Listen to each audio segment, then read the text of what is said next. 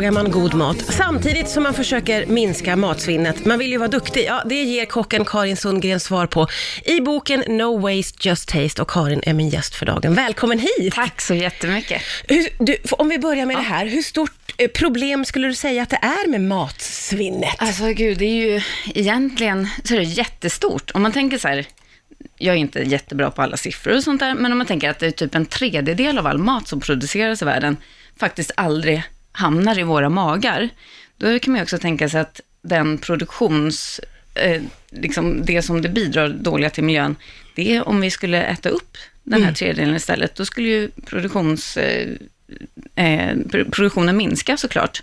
Och- Men en tredjedel, jag blev Ja. helt svettig nu när du sa det. Alltså jag vet ju att det är mycket, men det är Ja. ju vansinnigt. Det är ju otroligt. Och tänk hur många fler som skulle kunna bli mättade i världen också om man inte kastade maten. Ja.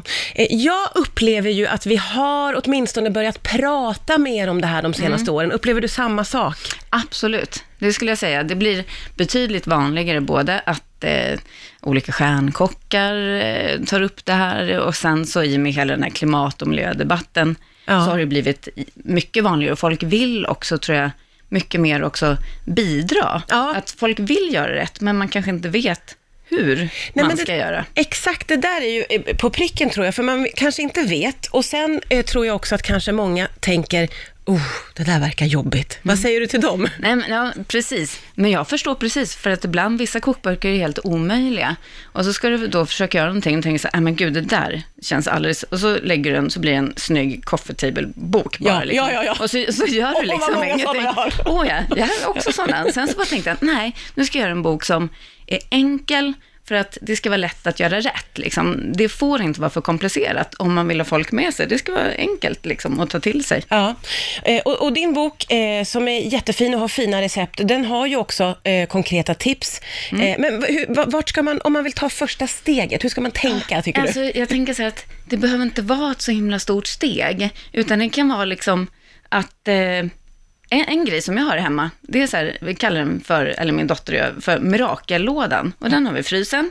Och sen så typ morotssnuttar, kanter, skal eller olika grönsaker langar man ner i den där lådan, fyller på och sen så när den är full, ja men då kan du typ använda det som grund till en sås eller koka en grönsaksbuljong på eller liksom, och då istället för att det bara hamnar, det är fortfarande helt ätbar mat liksom. Ja. Eller brödkanter, skär ner dem i små tärningar, langa in en fryspåse liksom. Mm. Så har du brödkrutonger nästa gång du ska göra en sallad eller en fiskgryta eller liksom. Mm. Alltså det behöver inte vara så svårt, du behöver inte göra det exakt just där och då. Nej, utan det. du kan liksom förvara för framtiden. Ja. Frysen är min bästa vän.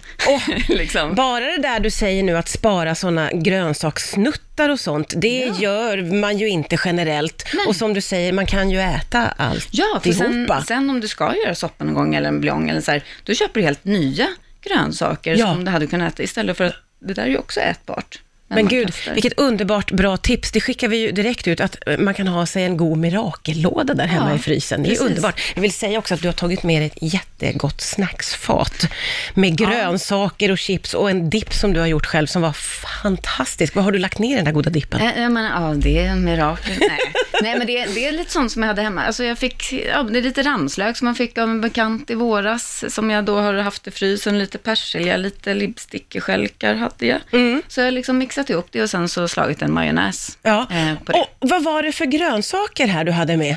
Eh, det är, ja, det är lite rädisor med blaster och sen så är det lite broccoliskälk. Just det. det, är ju- det. Den är ju svingod. Den är ju jätteknaprig och härlig liksom.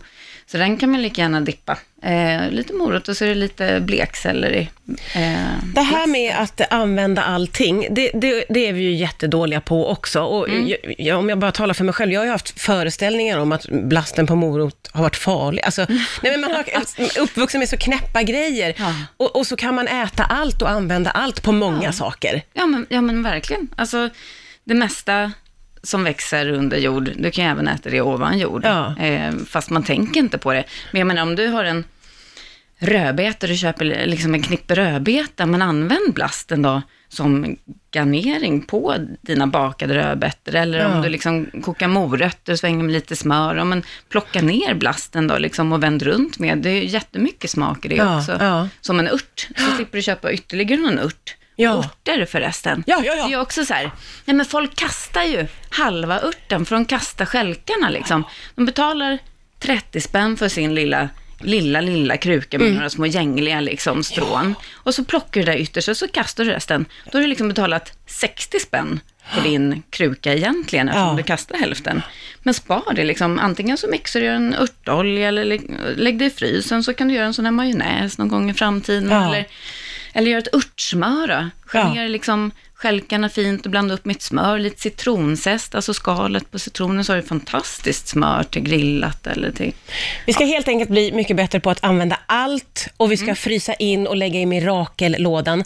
När jag pratar med dig Karin så känns det som att det är inte så jädra svårt faktiskt. Mm. Det är ju inte så himla svårt. Nej, det är ju inte Och det. folk har så himla stor press på sig att liksom göra rätt. Ja. Och att, och att det, det är som ett sånt stort liksom, eh, projekt att liksom göra det här. Men, men jag tänker så här, ja, men jag lägger det i frysen. Ja. Och sen så, typ som jag berättade lite om ostkanter, Ja. eller inte bara kanten utan om det, vissa ostar har inte ens kant, men du kan inte hyvla längre. Mm. Ja, men lägg det i en liten påse och sen så tar du fram det vid någon gång när du ska ha rivost. Och då bara river du så har du på gratäng eller lasagne eller någonting. Ja. För du skulle ändå köpa riven ost.